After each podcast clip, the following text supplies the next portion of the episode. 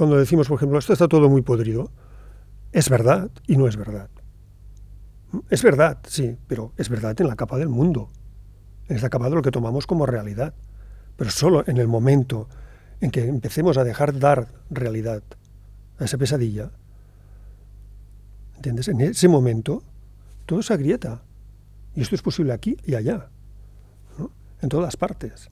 O sea, en todas partes está latiendo un corazón, en todas partes está latiendo una necesidad de, de, placer, de, afecto, de apartarse, de tal, etc. En, en, todas partes está. Por tanto, es y no es muy difícil.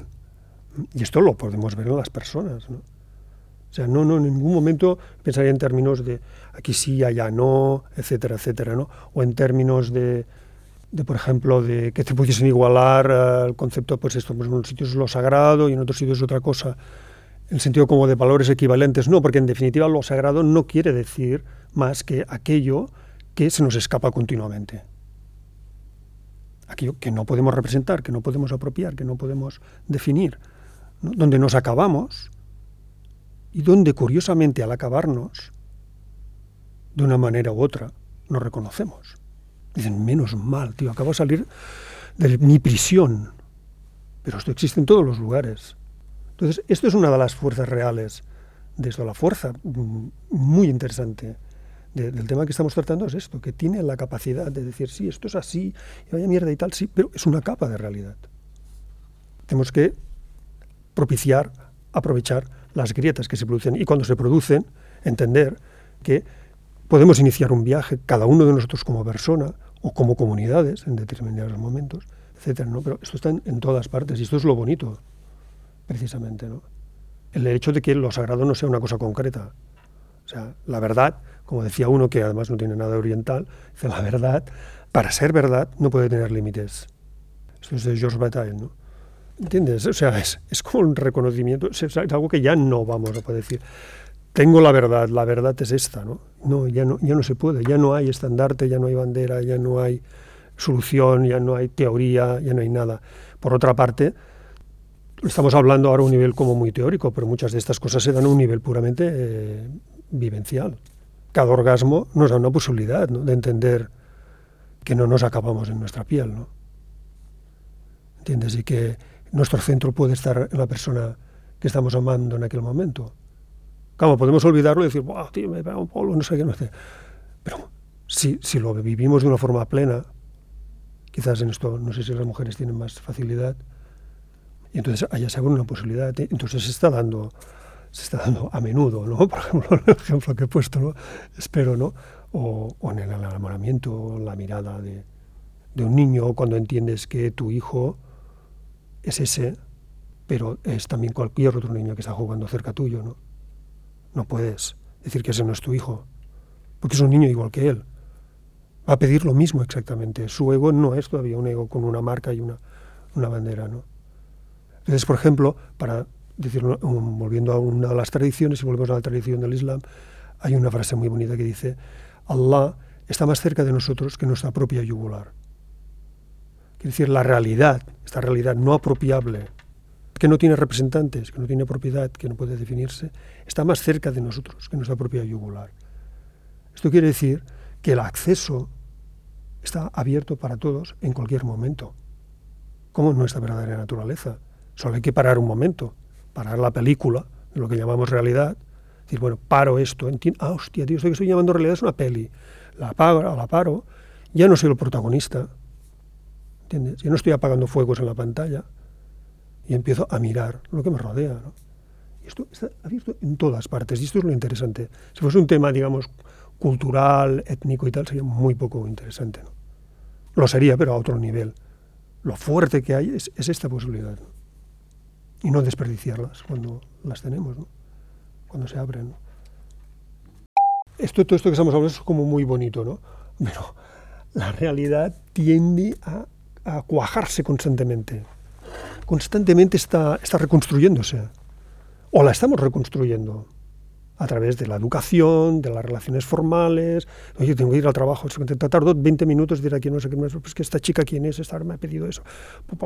todo, todo. Soy papá, soy mamá, soy eh, austríaco, soy gay, soy no sé qué. Constantemente estamos construyendo. La realidad esta se construye constantemente, constantemente. Por lo tanto, lo importante es que tengamos las prácticas como para que constantemente estemos deshaciendo también esta realidad. O sabiendo que esta realidad es un velo maravilloso. Maravilloso también. Maravilloso, porque estos velos es esta realidad material, esta realidad así formal, conceptual, lingüística, es condición de la belleza también. Sin ella no habría belleza. O sea, si no hay nada, o sea, ¿qué belleza hay?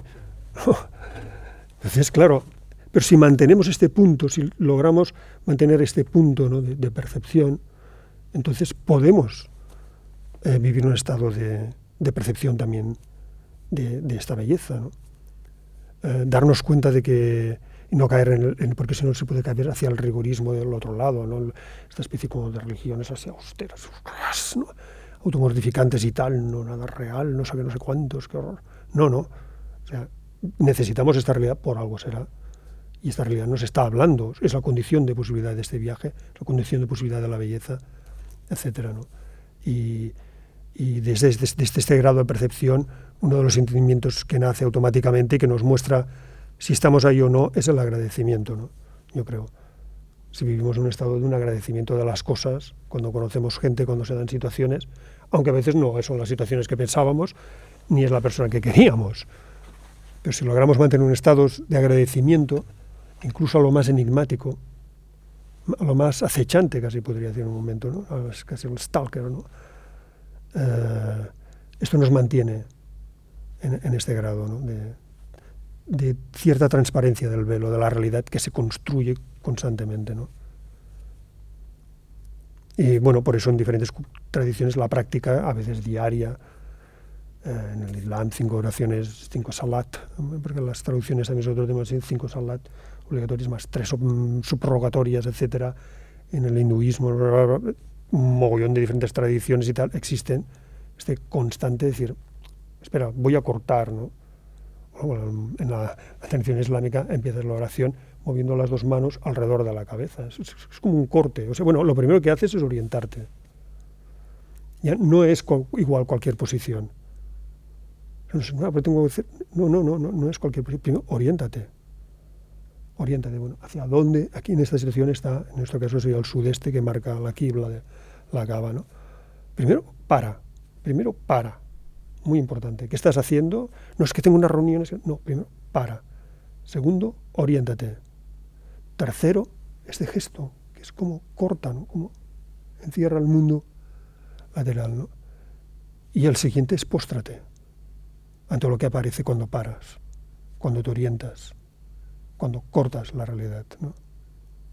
Entonces, a partir de aquí te das cuenta de todo el simbolismo que están las cosas y como también, como todas las cosas formales, tienen tendencia a que se pueda cortar, perdamos, este hilo. Supongo que en algún momento eh, en nuestra cultura sagrado quería decir algo muy concreto, que después pasó a ser como un tópico, casi molesto. ¿no?